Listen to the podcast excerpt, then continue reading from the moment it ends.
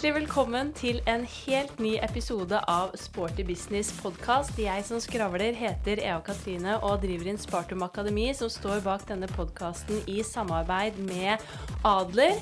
Og vi i Inspartum, vi er ikke bare glade for ny episode, vi er fortsatt litt sånn høye på livet og fulle av endorfiner etter at vi arrangerte Inspartum Boost Convention på Atletica Domus 18 november. Vi har vel så vidt egentlig bare klart å lande litt, for uh, vi kan vel si det selv at vi syns jo det ble en suksess. Og det var i hvert fall det vi drømte om den dagen. Det å kunne samle masse fantastiske treningsfolk fra hele landet og arrangere en convention der vi alle kunne inspirere hverandre.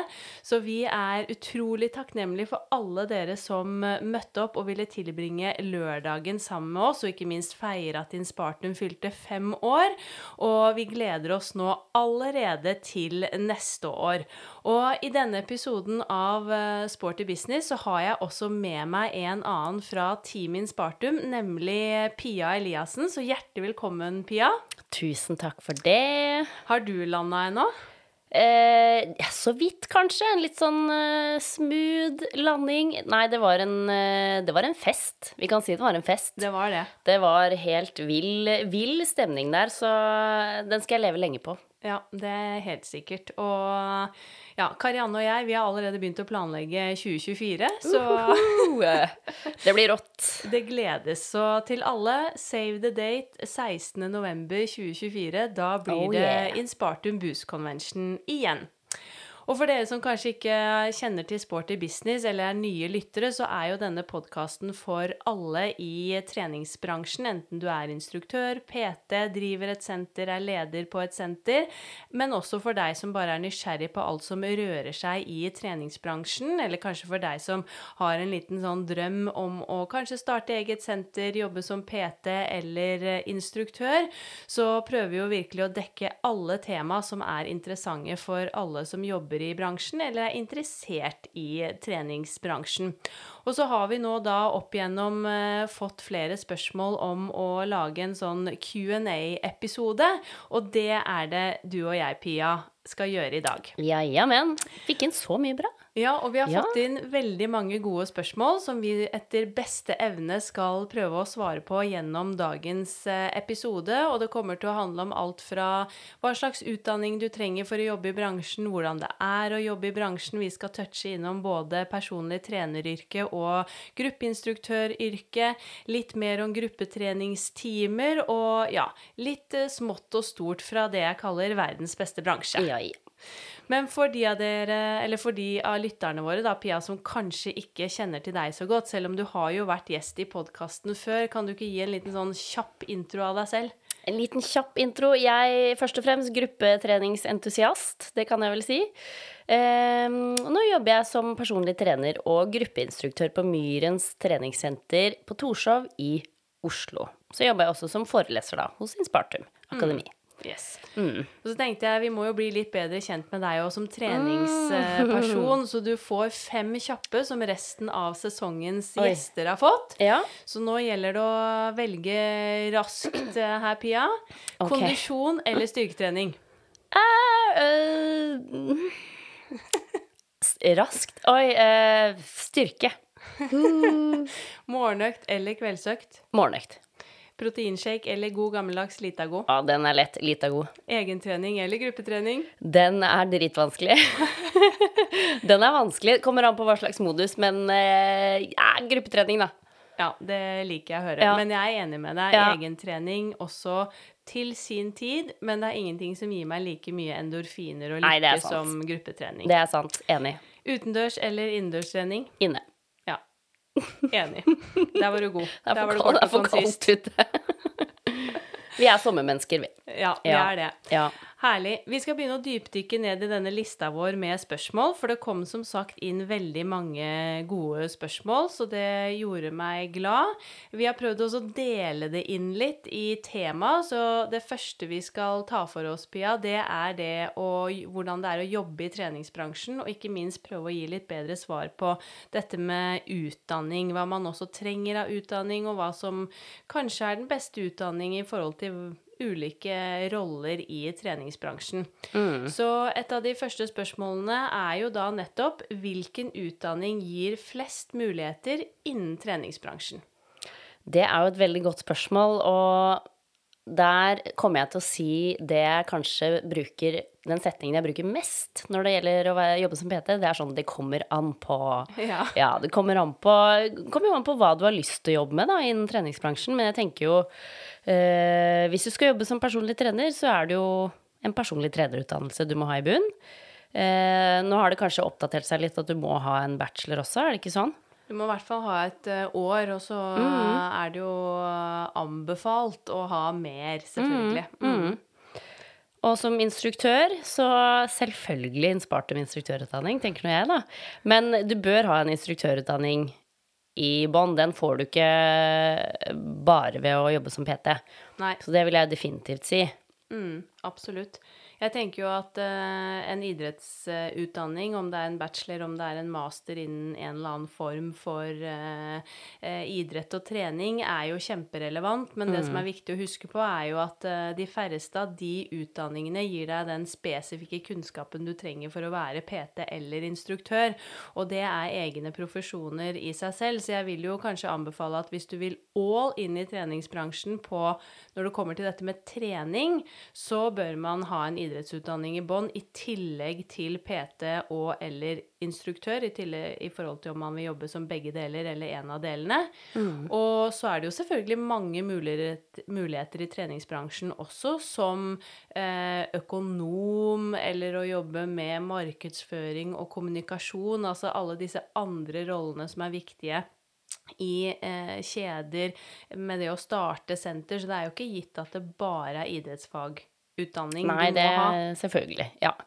Så det er mange veier man kan gå. Mm. Så spørs det om man har lyst til å jobbe på gulvet, eller om man har lyst til å sitte mer med administrative ting. Ja. Ja. Og så tenker jeg at hvis du har lyst til å begynne å jobbe i bransjen, men har ikke si en bachelor i idrett, så er heller ikke det et must. Da går det an å ta instruktørutdanning og eller PT-utdanning. Ja. Med tanke på hva man ønsker å, å jobbe som og med. Stemmer. Mm. Eh, Et annet spørsmål vi har fått, det er jo da finnes det instruktørkurs i eh, ulike gruppetimer? Det vil jeg jo også si at du gjør. Jeg vil jo uansett anbefale å ha en grunnutdanning i bunn, sånn som Inspartum f.eks. Men eh, jeg har tidligere hatt konseptet via Les Mills f.eks., som har annet bodypump, jeg hadde noe som het bodyjam. Der er det jo ferdig produserte konsepter, så må du bare ha en sertifisering innen det. Og du har vel Zoma, Zoma Move. Det fins jo en drøss der også. Ja. Ja, det fins jo veldig mye ulikt. Altså, mm, ja, der er det jo et hav, egentlig. Jeg har jo både Somamo og AFHO, altså Afro House. Det er jo også et eh, konsept. Så har man jo norske konsepter som basisball og corebar, for eksempel. Eh, men som du nevnte, det å ha en utdanning i bånn krever jo eh, egentlig alle disse uh, sertifiseringskursene òg, fordi du lærer ikke å være instruktør der, men du lærer det å instruere ett type konsept. Ja. Så man kommer egentlig på disse kursene med en Eller man, de som holder kursene, har jo en forventning om at de som møter opp, allerede er instruktører, helst med da utdanning i bånn. Og så lærer man da spesifikt hvordan undervise ett type eh, konsept og én type time. Ja. Så jeg vil jo si at det er viktig, også med tanke på at man, hvis man selv møter opp på et sånt kurs, kanskje da får hetta hvis man er helt ny, for du tenker at her skal jeg lære å være instruktør, men så snakker, blir man snakket over hodet på, og det er veldig mange nye ting. Så ja, det finnes instruktørkurs i ulike gruppetimer, men det fordrer igjen erfaring i bånn. Ikke sant. Mm. Så få senterlederen din hvis du jobber på treningssenter, til å sende deg på kurs. Ja. Grunnkurs først. Ja. det er jeg enig i. Ja. Um, dette er jo et fint spørsmål for oss da, Pia. Ja. Hvordan er det å jobbe fulltid i treningsbransjen? For det gjør vi jo begge, Mhm. på litt forskjellige måter. Ja. Uh, videre i dette spørsmålet så nevnes da arbeidstider, lønn, belastning på kroppen og lignende. Ja, det var et omfattende spørsmål. Eh, og et veldig godt spørsmål, for jeg skjønner jo at mange lurer på det. For det er jo kanskje utad at det ikke virker som en veldig sånn seriøs bransje, jeg vet ikke. Eh, men jeg har i hvert fall jobbet fulltid i treningsbransjen siden 2012. Em, og da jobbet jeg først som instruktør, og så begynte jeg resepsjon. Så da var det liksom min fulltidsstilling. Em, så jobbet jeg i resepsjonen på dagen, og så hadde jeg litt gruppetimer her og der. Så de Ja. spedde på litt. Uh, og så i 2015 så ble jeg da personlig trener og begynte å ha det som fulltidsjobben min. Så um, ja, arbeidstider de bestemmer du mye selv, da, i hvert fall når du jobber som PT. Der eh, kan du jo jobbe egentlig når du vil, Ja. sånn sett. Men eh, stort sett da før folk drar på jobb, og kanskje etter folk drar fra jobb. Em, så det tar Det tar ganske lang tid å bygge seg opp til å klare å nå et visst antall timer, sånn at du får en grei lønn. Det gjør det. Men uh, du kan tjene godt som PT, altså. Det kan du så absolutt. Men uh, der uh, gjelder det å legge ned litt god tid på å bygge relasjoner, møte masse mennesker, sånn at du klarer å bygge deg opp til å ha et visst antall timer da, som gir deg en god, god inntekt. Mm. når det gjelder å ta vare på kroppen, ja, belastning på kropp eh, Den er vel størst for oss instruktører, jeg si. Definitivt, ja. I hvert fall mine, mine topptips der er å tren styrke. Mm. Tren for guds skyld styrke. Eh, I hvert fall når det gjelder hopp- og sprettimer, trinntimer. Eh, så det å ha en sterk kropp, at muskulaturen tåler, kroppen tåler all belastningen du påfører den, kjempeviktig. Mm. Eh, og kanskje også være flink til å slappe litt av. Ja. Vi, er veldig, vi er veldig på i denne bransjen Ja. kommer alltid inn på treningssenter, og så er det sånn Hallo! Evig energi. Så det å ta seg litt tid bort fra treningssenteret, slappe av litt, det, det er også et eh, godt tips for å, å orke. Jeg vil jo si at det å jobbe fulltid i treningsbransjen er veldig gøy. Jeg Ja. refererer jo veldig ofte til denne bransjen som verdens beste bransje. Og jeg kan jo ikke med hånden på hjertet si at det er verdens beste bransje når det kommer til lønnsvilkår, kanskje, og en del andre Ja. utfordringer. Men den energien, lidenskapen, gleden, kreativiteten, så mye annet positivt da, som fins i denne bransjen, gjør jo at for meg er verdens beste bransje. Ja. Eh, arbeidstider, som du er inne på, det kan være veldig fleksibelt. Men det kan også være mye morgen og kveld. Men du kan jo også jobbe i en lederstilling og ha åtte til fire-jobb eh, tilnærmet i bransjen. Eh, lønn veldig varierende, men det er fullt mulig å leve av det. Eh, og hvis jeg også skal kommentere litt på dette med belastning på kropp, så er jo det først og fremst for oss instruktører. Ja. Og der handler det om å ta hensyn eh, til egen kropp, og at man ikke underviser altfor mange timer i løpet av uka, og at man underviser forskjellige typer timer. Eh, for min del så hadde jeg veldig mye hopp og sprett og trinn og dans og høypuls og fullt kjør før i tiden, eh, og har jo dratt på meg litt belastningsskader, og styrketrening er det jeg også sverger til, men også det å nå har funnet en kombinasjon av å kunne undervise yoga, kunne undervise dansetimer, kunne undervise ja, forskjellige typer yogatimer. Jeg har jo Somamo, som er bevegelighetstrening. Altså at man har en kombo av styrke, eventuelt da sykkel, én trinntime, eller andre kombinasjoner. Så vil jeg også skyte inn da at det er en jobb, både som PT, instruktør og jobbe på treningssenter generelt, hvor du gir fryktelig mye av deg selv. Eh, Du er påskrudd hele tiden. Om du har en dårlig dag, synd, trist, leit, du må prestere gåsetegn eh, allikevel. Så det å, å lade batteriene ved å kanskje si litt jeg måtte lære meg å si nei, ikke si ja til absolutt alt, og høre litt på når jeg trenger å hvile. Eh, sånn at jeg klarer å være blide Pia resten av Ja, men det tror jeg er kjempeviktig. Og også kjenne litt på sine egne grenser. For det er, som du sier, det er en bransje drevet av mye passion, det er energi, det er glede. Og det er noe jeg elsker aller mest ved det. Men, eh, men eh, så må man ta litt vare på sin egen kropp og sitt eget hode også. Mm. Og det å si nei er jo da også, som du sier, viktig for kroppen. Det å ikke bare dure på med ørten eh, Å, vi har vært der. Eva Katrine, har vi ikke det? Vi har det, Ja. og det sitter fortsatt litt langt inne, merker jeg, å si nei, men det har jeg blitt også ekstremt mye dyktigere på selv. Klok av skade. Klok av skade, men også det at jeg har kjent veldig på det å tørre å stå i det å si nei. Når jeg var yngre og, og fikk spørsmål om kan du ha den vikartimen, eller kan du gjøre det, kan du være med på det, så følte jeg også at selv om jeg da skulle si nei, så følte jeg at jeg da alltid må forklare, måtte forklare hvorfor. hvorfor. jeg ikke kunne. Ja, men det er fordi jeg skal dit, eller sånn og sånn. Så var det jo ikke alltid at du har den forklaringen, men du har rett og slett bare ikke kapasitet. kapasitet. Du er sliten, eller du må prioritere kanskje da studier eller annen jobb, eller rett og slett prioritere å være litt hjemme og ha tid med de hjemme eller familie. Og det har jeg virkelig lært, at jeg tør å si Nei, dessverre. Jeg har ikke kapasitet, kanskje. Eller bare si nei, dessverre, det kan jeg ikke. Jeg håper virkelig det løser seg. Spør meg gjerne senere. Og at folk faktisk ikke trenger heller å få den utbroderingen av hvorfor jeg ikke kan. Nei, nei, det er jo helt, eh, helt riktig, det. Så det tror jeg også er et uh, godt tips til alle de som kjenner på det. Og jeg har jo også sittet i den, når det gjelder gruppetrening og dette med vikarbruk, sittet i lederrollen. Og jeg må innrømme at jeg bryr meg ikke om hvorfor folk ikke kan.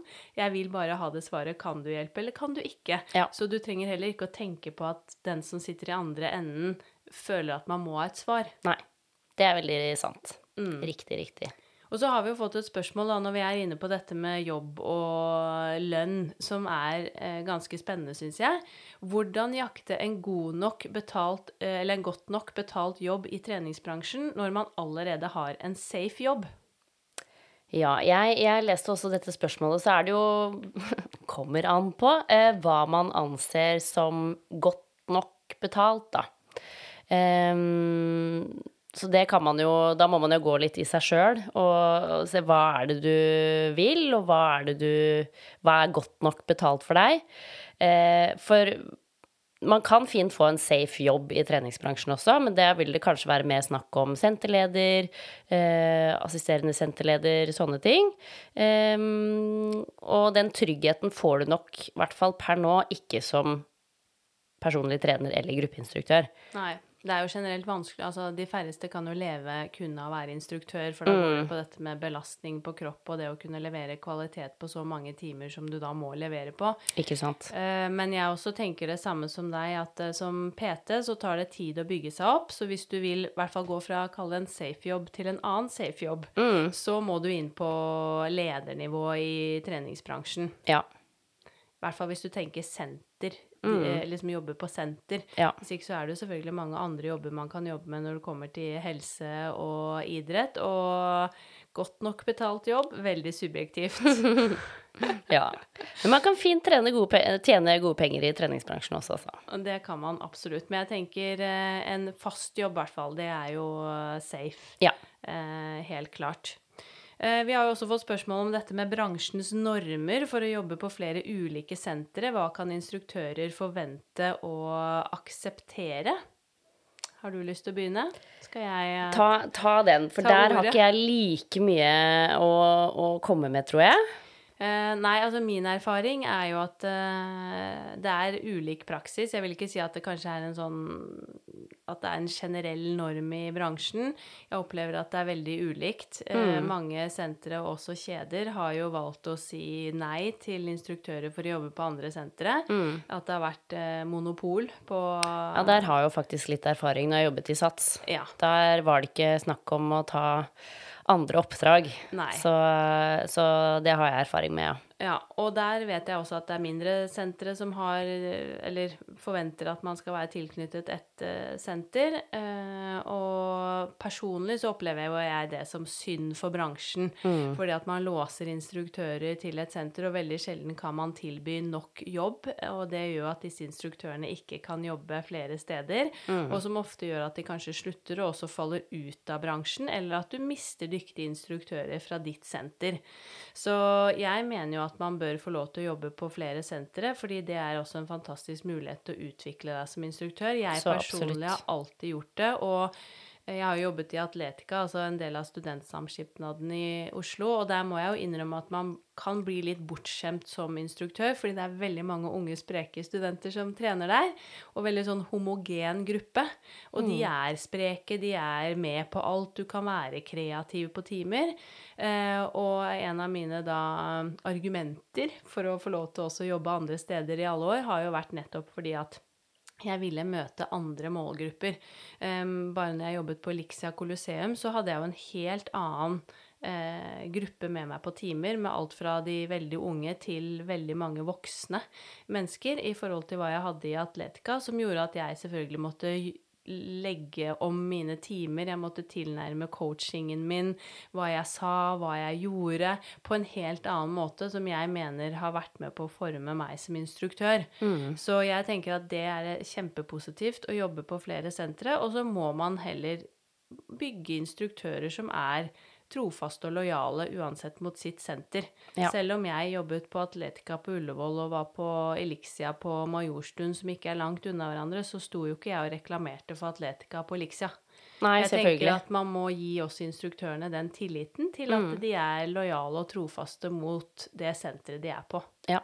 Og så jobber du kanskje ikke på senteret rett ved siden av. Det sier seg litt selv. Ja. Men utover det så tenker jeg at eh, vi trenger instruktører på de fleste sentre her i landet. Så det ville gagne alle å la folk få lov til å jobbe flere steder. Helt enig med deg. Eh, så har vi jo fått spørsmål som jeg tenker er veldig relevant for deg, eh, Peter Pia. Ja. og det handler jo nettopp, nettopp, om hvordan man kan skape en bærekraftig hverdag som PT. Det er flere år siden jeg la opp som PT, for å si det sånn, så denne går til deg. Ja. Jeg jobber jo som PT per nå, har gjort det siden 2015. Man gjør seg jo noen erfaringer på veien. Eh, og der kan jeg jo si som så at for at du ikke skal jobbe døgnet rundt, det kan fort skje. At du jobber tidlig om morgenen, begynner klokka seks, og så er du ferdig klokka åtte, liksom. Det er, det er ikke bærekraftig i lengden. Så det å være litt strukturert fra start av, sette deg opp en ønskelig timeplan der hvor du har lyst til å jobbe, prøve å snakke med folk og booke inn eh, det vi kaller leads, det er litt sånn gratis PT-timer innenfor disse tidene. Eh, så kan du være, selvfølgelig i starten, når du starter opp, være innstilt på å jobbe ganske mye. Sånn at du oppretter deg en, en kundebase. Eh, men prøve å være strukturert fra start, og, og, planlegge når du har lyst til å jobbe. Eh, en annen ting kan være, som jeg har erfart meg, at være ganske rå på oppfølging av kundene dine.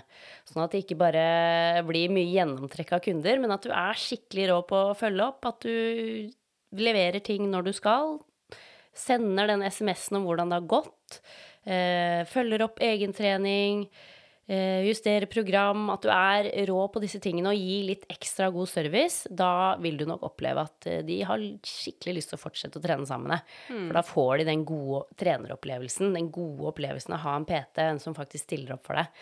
Eh, så det å være rå på oppfølging, det, det vil jeg si er, er, et av de viktigste tingene. Og selvfølgelig snakke med folk. Du skal Det er et sosialt yrke, så du må få tak i folk, snakke med mennesker, få de til å ha lyst til å trene sammen med deg. Mm. Så det er de tingene jeg tror jeg har lyst til å trekke fram. Ja. Så være strukturert, være rå på oppfølging og snakke med masse, masse folk. Mm. Ja. Kan jeg få skyte inn et spørsmål ja. nå fra meg til deg? Ja. uh, apropos dette med PT, da. Ja. Hva gjør du for å selge PT-timer sånn når du har en lead, da, og mm. har hatt kanskje en prøve, sånn prøvetime? Ja. For i hvert fall så husker jo jeg fra min lille karriere som PT i noen år at jeg syns alltid det var litt sånn kleint å klare å selge inn disse PT-timene, selv om jeg visste at jeg leverte på en måte, kall det verdens beste produkt. Har du noen tips der? Åh, jeg prøver jo stort sett å ikke se på det som at jeg skal selge de noe. Mm. Eh, jeg prøver jo da å formidle at dette blir et samarbeid.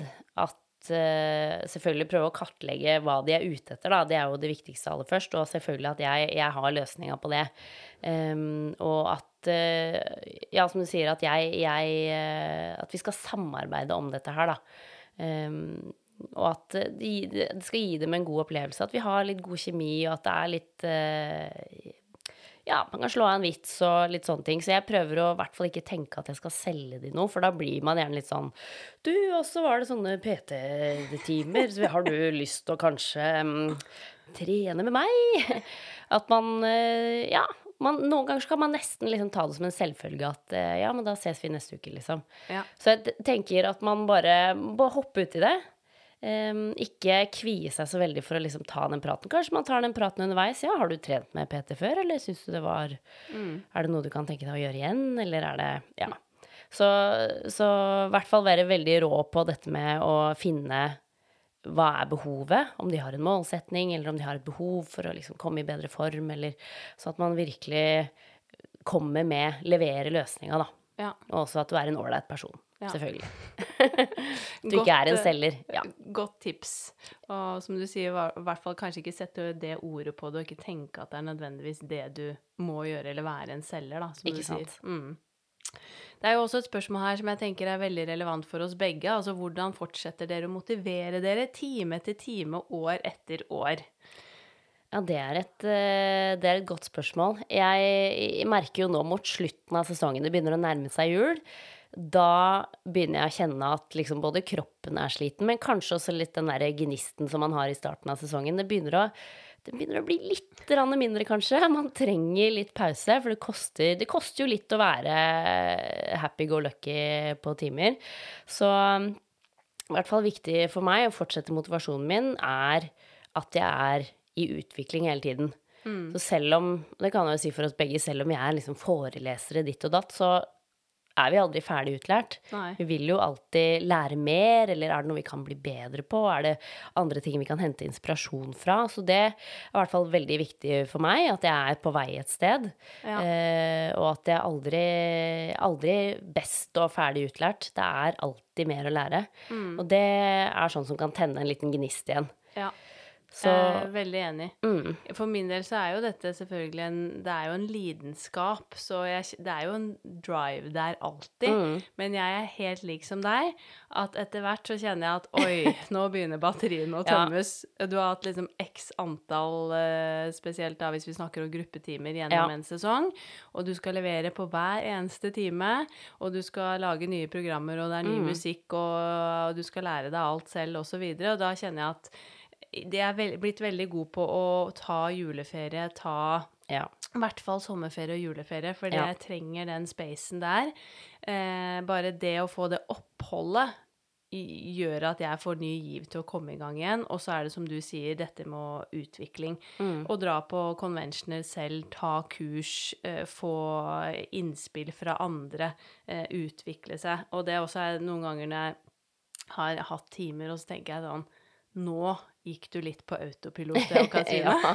Da har jeg sånn Nå må du enten ha en ferie, ja. eller så må du komme deg på et kurs, eller liksom riste litt løs og gjøre noe annet. For da Det er også sånn tegn hos meg. Har du sagt samme setning i fire uker på rad, ja. liksom? Nå er det på tide. Ja. Nei, jeg føler den. Veldig. Så ja. Inspirasjon Ferie, inspirasjon mm. og påfyll, eh, kjempeviktig. Mm. Så har vi jo fått et godt spørsmål her, da, om det finnes en fagforening for gruppetreningsinstruktører. Og per i dag så er det jo sånn at nei, det finnes jo ikke en egen fagforening for instruktører og PT-er, f.eks. Um, jeg har jo fått spørsmål kan ikke du starte en fagforening, jeg og Katrine? det har jeg fått spørsmål om, ja. og jeg skulle gjerne gjort det hvis døgnet hadde i hvert fall dobbelt så mange timer. Ja. Eh, men per nå så finnes det jo ikke en egen fagforening. Jeg håper jo at det er noe som kan komme på plass, men man har jo mulighet til å melde seg inn i mer generelle fagforeninger for å kunne få noe hjelp. Ikke sant. Ja, jeg, eh, jeg, er også bare medlem av eh, Norsk Arbeidsmannsforbund, heter det. Så at man, hvis man skulle trenge noe, så har man litt ekstra støtte der. Men det er jo som sagt bare en generell fagforening. Så ja. Mm, man kan jo håpe at det kommer på kommer etter hvert. Absolutt. Men jeg tenker det er i hvert fall et fint sted å begynne, for da kan man få litt hjelp hvis det skulle, mm. skulle være noe. Ja. Eh, og så har det jo også tikket inn en del spørsmål, eh, Pia, om Rock the Room by Inspartum, ja. som vi har eh, lansert denne høsten. Så der har vi fått litt sånn forskjellige spørsmål inn, så jeg tenker at Kan du ikke bare sånn grovt fortelle litt om hva det er, og hva det går ut på? Ja. Rock the Room by Spartan det er jo noe vi lanserer nå og er mulig å kjøpe fra desember. Det er målet, i hvert fall. Det er målet, i hvert fall. Ja, ja, ja. Nei, det er jo rett og slett at vi ønsker å tilby prekoreograferte treningskonsepter. Så det står på trappene nå. Da har vi tre ulike treningskonsepter som vi har lyst til å gi ut til folket. Så det er jo målet, da, er jo at instruktøren skal kunne motta ferdig video. Eh, og manuskript, holdt jeg på å si, og låter, hele pakka. Og så kan man levere disse timene på da sitt senter. Så um, det gjør jo rett og slett at det tar litt kortere tid å produsere timer. Eller ikke produsere timer, men da slipper du kanskje å produsere timer. Så det er målet med Rock the Room, da. At eh, vi skal gjøre hverdagen litt enklere for uh, instruktører. Mm, så det gleder vi oss uh, veldig Åh, til å ja.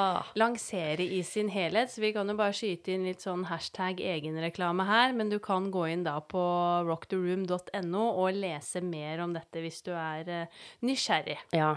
Og vi hadde jo disse tre timene vi skal få ut på markedet, de hadde vi jo på Inspartum Boost.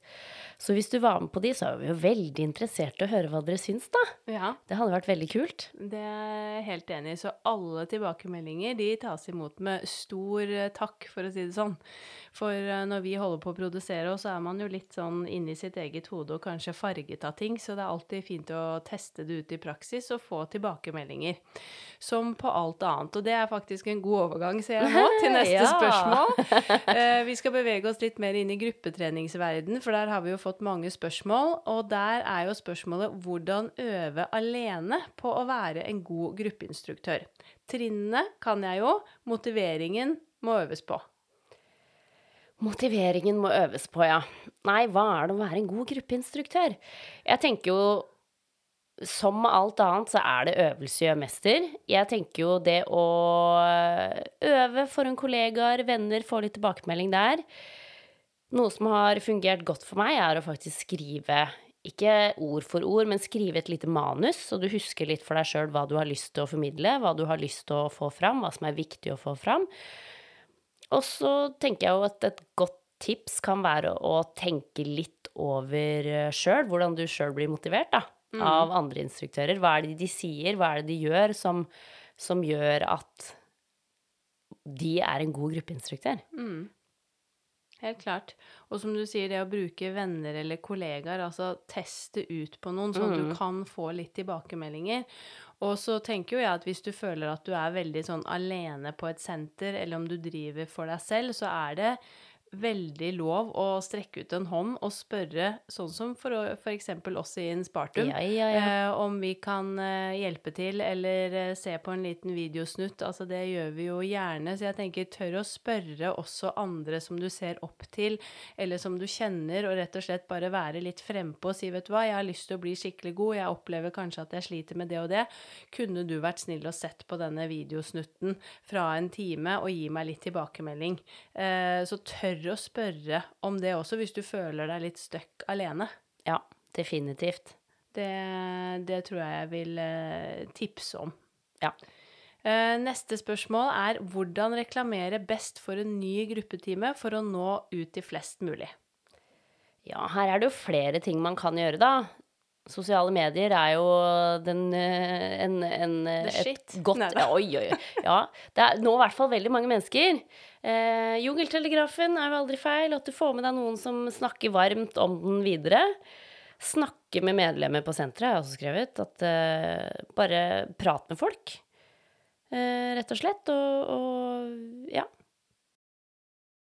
Ja, I tillegg til å informere de som jobber i resepsjonen på senteret godt, og andre kollegaer, sånn at de kan hjelpe til å spre ordet. Det er jo som du sier, dette med jungeltelegrafen, men den gjelder jo Én ting er mellom deltakere og medlemmer på senteret, men den er jo vel så viktig blant de ansatte mm -hmm. på senteret, ja. tenker jeg. Så ja, synlighet, synlighet, og få folk til å snakke om den og kjenne til hva den timen går ut på. Definitivt.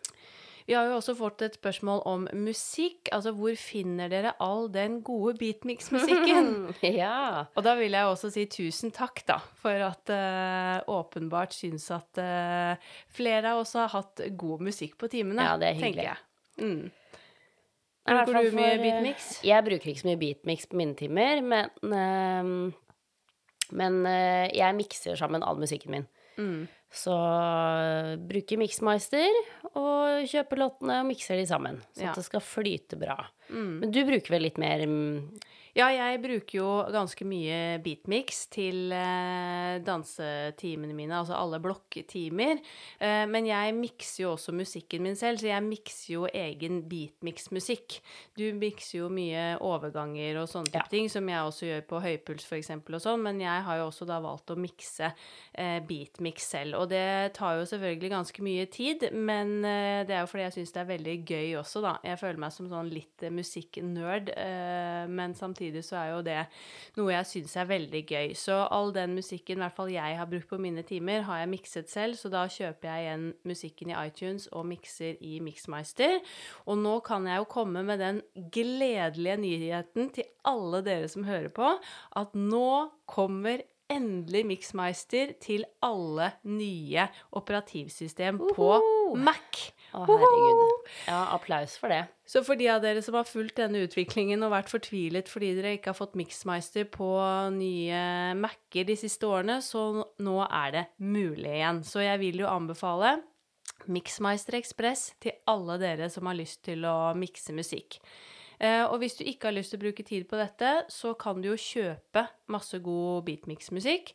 Og der er mine personlige favoritter er Swedbeat. Vi kan også linke til disse i, når vi legger ut episoden. Men der syns jeg de har generelt mye bra eh, beatmix både til step, aerobic, de har også til type core pilates-timer, de har tema-beatmixer, og også Movia. Ja. Så det er de to jeg personlig sverger til når jeg skal kjøpe uh, beatmix. Mm. Mm. Så det er mine beste tips der.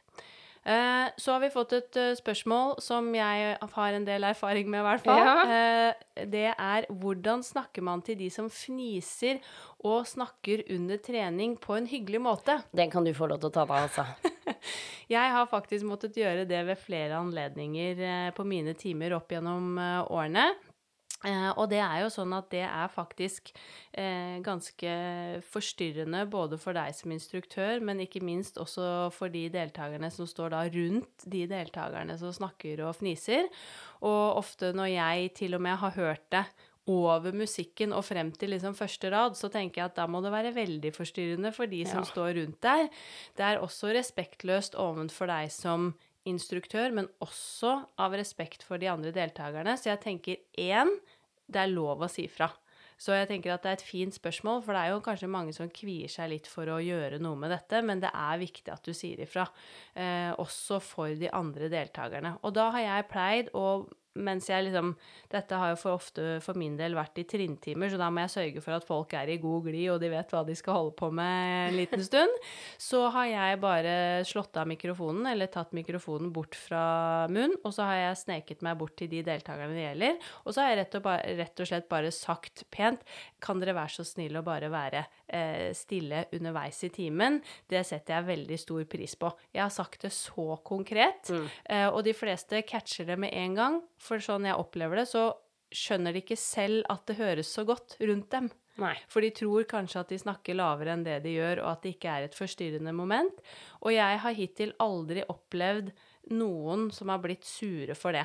Og de fleste har sagt også sånn 'Å ja, selvfølgelig, unnskyld', eller 'tusen takk for det'. Eh, og så har jeg også sørget for å være veldig blide til de Ja. jeg har sagt fra Ja. til, i altså sånn underveis da videre i timen. Sett på dem, smilt, noen ganger gitt dem en high five underveis, sånn at de føler at jeg ikke er blitt sur på dem. Nei. Men jeg har bare forklart dem hvorfor, eh, og veldig mange har også da kommet til meg faktisk etter timen og liksom sagt eh, 'vi beklager, men tusen takk for at du sa, sa fra', og har vært blide og fornøyde. Så jeg tenker bare gå bort, vær blid når du sier det, si tusen takk. Ja, jeg tenker jo det å bare si ting med et lite glimt i øyet. Ja. Du trenger ikke å være fra med pekefingeren, liksom, men Nei. ja, være litt uh, hyggelig og ålreit, og hvis de fortsetter, så kan du heller Nei da, men uh, dra på litt mer. Ja, Ja. det tenker jeg òg. Jeg har ofte noen ganger prøvd meg med sånn et lite blikk først. I håp om at det kanskje skulle nå frem. Men det er ikke alltid at det funker, og da har jeg måttet gå bort. Ja. Men jeg har i hvert fall personlig ikke opplevd noe negativt eh, med det, så Nei. lenge man gjør det på en høflig måte. Ja.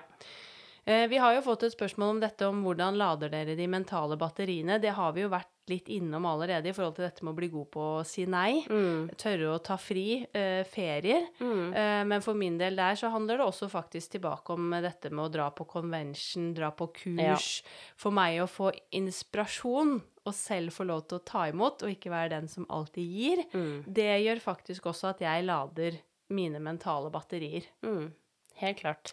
Har du noe annet du vil tilføye der, eh, Pia? Nei, jeg vet ikke. For min del så handler det også mye om å gjøre ting som ikke omhandler trening eh, eller noe med jobb å gjøre. Ja. Og bare liksom gå meg en tur. Lage noe digg mat. Eh, være sammen med samboeren min. Altså gjøre ting som ikke har noe med jobb å gjøre. Jeg tror det er så viktig eh, i en bransje som drives så mye av lidenskap. Og det kan fort eh, ja, Mm. gå litt, gå litt ut av lufta, gå litt ut av ballongen etter hvert. Ja. Så det å ha andre ting, andre hobbyer Jeg synger kor. Så altså ha noe som, som tar deg litt bort fra jobbhodet. Ja. Selv om det er veldig, veldig, veldig gøy. Mm. Jeg er enig. Det er kjempeviktig. Mm. Eh, og så har vi jo fått også spørsmål da om eh, vårt beste gruppetreningsminne. Åh, jeg tenkte på dette her. Jeg, jeg syns det er skikkelig vanskelig å dra fra. Kan ikke du begynne? Skal jeg Du begynne? begynner. Åh, ja, vi har jo begge sett på disse spørsmålene etter at Ja. de kom inn, og jeg må innrømme at det er vanskelig å velge ett. Men det jeg stort sett liksom som popper opp i hodet mitt når jeg får et sånt spørsmål, det er Jeg husker ikke helt hvilket år det var, men det var en av mine første opplevelser på Nike Blast Convention. Mm. Og det var faktisk på Domus, ikke i Globen, mens det var her i Oslo. Første gangen jeg var på Sasha Ushkin sin time. Eh, Og hvis dere ikke vet hvem han er, søk ham opp Google på Instagram. Ja. Han er jo en av mine, et av mine store idoler. Jeg er enig. Eh, og da husker jeg var helt sånn Du vet når du blir liksom blown away. Altså, det Ja. var bare Altså, han i seg selv, men det var musikken, det var eh, Dette var en sånn jeg tror den het noe sånn Aero New Style, et eller annet. Det var en type dance aerobic, men veldig danseinspirert, noe som traff meg, selvfølgelig. Men da var det sånn gåsehudopplevelse, og også en av de, eh, de, øye, eller de øyeblikkene hvor jeg tenkte at dette er det jeg skal jobbe med Mm. resten av livet. Åh. Men har du hatt noen sånn som du har hatt selv? At du har hatt timer sjøl? Eh, oi, det var et godt spørsmål. Det er noen ganger hvor jeg har fått sånn, hva skal jeg si, gåsehud i min egen time. Hvor Ja. jeg føler liksom alt har uh, matcha. Det er fælt å si det, men det skjer. Det skjer jo at vi også får gåsehud. det, det gjør det. For det er noen ganger hvor det er litt sånn elektrisk uh, stemning. Så Mm. jeg har det. Men så tenkte jeg jeg vil jo også trekke frem faktisk den opplevelsen vi hadde på Rimini Wellness Festival i uh, sommer, hvor du og Andreas eh, Mjøen, også fra teamet, og jeg var, hvor da Andreas plutselig ble dratt opp på scenen Ah, og skulle da presentere teamet sammen med en av disse fra Cruisin-teamet, som vi da selvfølgelig ser veldig opp til. Eh, og det var ekstremt stort. Da Ja. sto du og jeg, Pia, med tårer i Ja. øynene, og vi var liksom sånn jenter på sånn Justin Bieber-konsert, føler jeg. Det Ja, jeg tror ikke jeg fulgte så nøye med på koreografien. Det var mer sånn opp med mobilen og stå med litt sånn Ja, du og jeg, vi datt jo ut av den koreografien. ja, gjorde det.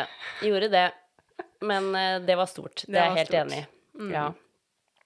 Nei, jeg, jeg tenkte litt på beste gruppetreningsminne. Jeg har så mange gode minner, så jeg veit liksom ikke hva jeg skal trekke fram. Men uh, jeg husker i hvert fall en uh, time som var på en SATS-convention. Og vi var ute i Lillestrøm, tror jeg. Og da var det en fyr som het Per Markussen, som jeg da ikke visste hvem var, som skulle holde en eh, diskoaktig dansetime. Og det var tjåka fullt i den salen. Og han hadde på seg noe sånn kul dress, husker jeg. Og det var eh, liv og stemning, og alle hadde gleda seg. Jeg har hørt mye om han derre Per Markussen, da. Og altså, det var livets time. Han var eh, Det var så rått. Og en annen ting som slo meg, var at han brukte ikke mikrofon. Nei. Det var sikkert 500 mennesker i den salen. Og han fikk med seg absolutt alle på absolutt alle trinn. Lagde så god stemning. Det var, det var hæla i taket, rett og slett. Eh, og det, det tror jeg står fram som liksom en av de beste timene jeg har vært på. Og det har jeg sagt til Per sjøl. Ja, det Og kult. ja, jeg måtte si det. At det er en av de beste timene jeg har vært på. Så eh, fram med Instagrammen igjen, folkens. Følge Per Markussen. Han, eh, han er rågod. Hadde også en vel, noen veldig bra timer på Insparte Boost. Ja. Ja. Og ja, shout-out til Per. Han Ja. er jo den norske instruktøren med størst interna internasjonal suksess. Ja. Og er jo den, hva skal jeg si, ja, største og mest kjente gruppeinstruktøren fra Norge. Og fyller 50 år i desember. Oi, oi, oi. Så hipp, hipp hurra, og en ekstra shout-out til Ja. eh, Per der, altså. Per. Ja. Vi begynner å nærme oss eh, slutten, Ja. eh, Pia. Men vi har også fått eh, spørsmål om treningsreisen, faktisk, som vi skal ha til eh, våren. Ja. Der er det en som både har spurt om vi kan fortelle litt om turen, men også en som eh, lurer på om eh, hun skal tørre å reise alene. Ja, jeg tenker med det å reise aleine, det tror jeg ikke blir noe problem. Det å være på treningsreise er jo ganske sosialt, så du kommer nok definitivt til å, å finne deg noen å henge med.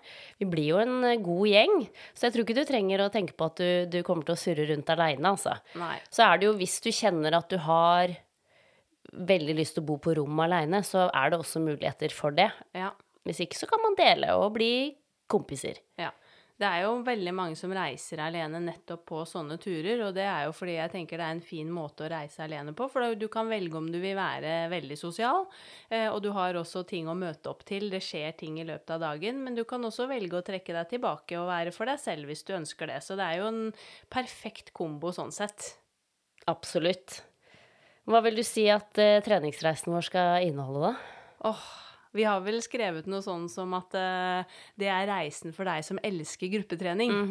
Eh, og det vil den jo leve opp til. Vi kommer til å levere egentlig alt innen gruppetrening. Alt fra det myke og softe, fra yoga og zuma-move og andre ting, til uh, både da styrke, litt mer sånn crossfit-inspirerte økter, til hardcore trinntimer både på step og gulv. Ja. Så målet vårt er jo å levere et spekter Ja. av uh, gruppetrening. Så noe for enhver smak. Definitivt. Ja.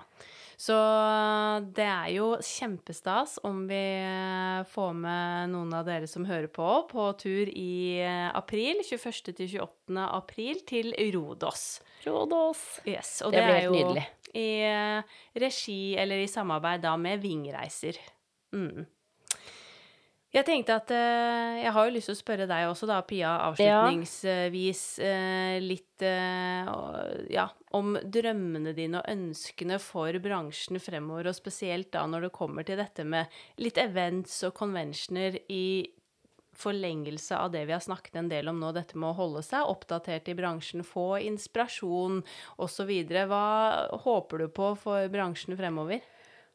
Jeg tenker i hvert fall at For min egen del så er jo dette med conventions og sånne møteplasser kjempeviktig for at jeg skal beholde gnisten min i det jeg gjør, for å finne inspirasjon, for at jeg skal orke å holde på med dette her. Eh, Så jeg håper jo at det blir eh, i framtida at man kan eh, legge litt gode penger og ressurser på sånne events, fordi ja, man merker jo at sånn som på en Spartan Boost, da stemninga er jo helt elektrisk. Når alle de personene i salen tar på seg den bursdagshatten, liksom. Det blir Det er jo så gøy. Det er jo så Og gjennom hele min instruktørkarriere også, jeg var i Les Mills, i Globen, i Stockholm, eh, NIH Convention, alle disse store møteplassene, så det gir jo en ekstra gnist, altså. Så jeg håper, jeg håper på mer. Mer, mer, mer. Ja. Og det bygger jo opp under egentlig samholdet òg, vil jeg si, liksom på tvers av Ja. bransjen. Og det har det vært mye snakk om. Jeg var senest på treningskonferansen i regi av Virke eh, 22. eh, november, og der òg var det jo mye snakk om dette her med at vi må bli flinkere til samarbeid, at vi ikke liksom skal konkurrere med hverandre og sitte på hver vår tue. Og jeg tenker jo også at kanskje at vi har mistet litt av det òg fordi vi har mistet en del av de møteplassene, og så hadde du pandemien også. Men jeg tenker jo at det er jo noe som faktisk samler bransjen også, disse større eventene.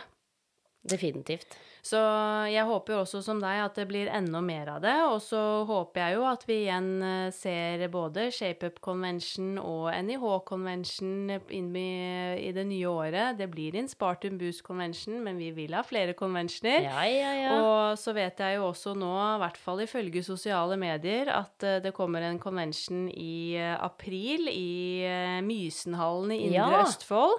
Eh, Exalus, hvis jeg sier det riktig. Treningsconvention. Så den går det jo an å sjekke opp. ja. Vi heier på alle som setter i gang conventioner, og så er det jo en del interne conventioner eh, rundt omkring. Men jeg håper at eh, jeg også at det blir mer. ja. Det, virkelig. Det er eh, livets glede. Ja. Eh, Hvem ønsker du selv å høre i podkasten inn i 2024, du da, Pia?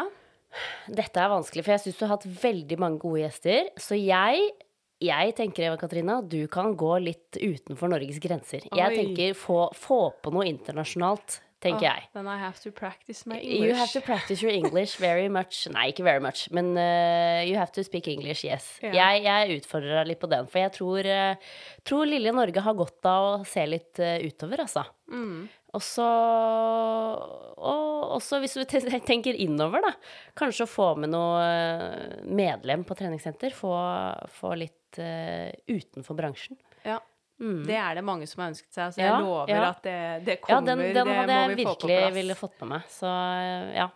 Både utover og innover. Utover og innover. Ja. Nei, men uh, veldig bra. Uh, helt til slutt så har jeg lyst til å spørre om du har en god treningslåt du har lyst til å dele med lytterne våre, både som de kan bruke på egentrening, men også kanskje da til alle tren- eh, gruppetreningsentusiaster der ute. Altså, jeg, jeg, det er litt pinlig, men jeg er inne i en Britney-periode. og det er rett og slett fordi jeg sitter og leser på den nye boka til Britney Spears. Ja. Og da er det jo en walk down memory lane, så jeg er på Britney, Bri- Britney faktisk. Jeg er på Britney-kjøret om dagen.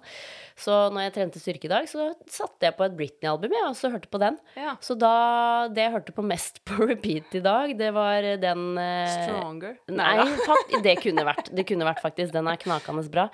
Eh, men det var en låt som het eh, Hot As Ice. Ja. Den sto på repeat i dag, så det, det blir mitt tips. Kjøre på litt litt ice. Britney. Ja, Hot As Ice. ja. Herlig. Yes. Det, den skal jeg sjekke ut. Ja, du må sjekke ut den. Ja. Eh, og så tenker jeg, Vi har jo spurt på Instagram blant annet, da, om spørsmål til denne podden. Ja. Og da fikk vi jo ikke bare inn spørsmål, men vi har også fått uh, en del fine kommentarer, og det syns jeg jo er veldig hyggelig. Uh, og jeg vil dele den ene med deg, Pia, for den var til Team Inspartum, og lyder som følger. Vil bare også si at dere er helt rå på jobben dere gjør. Jeg lærer masse fra dere. Å, det er veldig hyggelig. Ja. Tusen takk til deg som sendte inn den. Så det tenker jeg også at jeg vil bare si tusen hjertelig Ja. takk for at eh, folk er så rause og også gir oss eh, de tilbakemeldingene. Og jeg må si en ting til. Jeg må si en ting til. For på Inspartum Boost så møtte jeg flere som kom bort og, og ville si hyggelige ting. Og så slang de samtidig på Ja, men dette vet du sikkert, men eh, du er sikkert vant til å høre dette her, eller du er jo så flink, men jeg ville bare si at og da må du huske på at vi blir kjempeglad for alle tilbakemeldinger vi får. Vi jobber knallhardt. Vi er alltid nervøse og spente på om det er Blir det sånn som vi så for oss? Så tør å komme bort og si en hyggelig ting, det blir vi bare kjempeglad for. Ja, virkelig. Og når du Ja. er inne på det med nervøsitet, så er det sånn til alle instruktører der ute, enten du er ny eller har holdt på en evighet, tro meg, vi blir nervøse, vi også. Gud. Å, guri land. Ja. Nei. Så bruk det til noe positivt også, Ja. hvis du sliter med det. For, og jeg tenker at eh, det betyr at eh, dette her virkelig betyr noe for deg. Mm. Og tro meg, vi er også nervøse før vi går på den scenen eller den, inn i den salen eh, noen ganger. Så absolutt. Mm. Vi skal begynne å runde av, eh, Pia. Og så tenker jeg at vi kan jo eh, sette i gang en ny, en ny Q&A i en ny sesong eventuelt senere. Så nå skal du få lov til å ta kvelden, for vi sitter og spiller inn en sen fredagskveld. Ja. Så tusen hjertelig takk for at du tok deg tid og hadde lyst til å dele så mye fine refleksjoner og tanker med lytterne våre. Takk for at jeg fikk komme. Så nyt kvelden og helgen, og tusen Takk. hjertelig takk. Takk for meg. Tusen hjertelig takk for at du hang med på nok en episode av eh, Sporty business. Vi nærmer oss jo nå eh, avslutningen på høstens sesong. Vi har en episode igjen om eh, to uker, men podden den er tilbake igjen på nyåret. Og inntil da så tar jeg veldig gjerne imot gode tips til både gjester og tema som du ønsker at vi skal løfte frem i Sporty business i det nye året. Sjekk veldig gjerne ut Sporty Business podkast i sosiale medier. Bli med i gruppa vår på Facebook med samme navn, Sporty Business. Der er det også fullt lovlig å komme med innspill eller ta kontakt med andre i bransjen. Det er derfor vi har eh, den gruppen, for å kunne inspirere og hjelpe hverandre. Og legg gjerne igjen en eh, rating av podkasten. Jeg gleder meg til en ny episode om to uker. Ha en fantastisk sporty uke videre, så poddes vi. Denne podkasten produseres av Inspartum Akademi og Adler.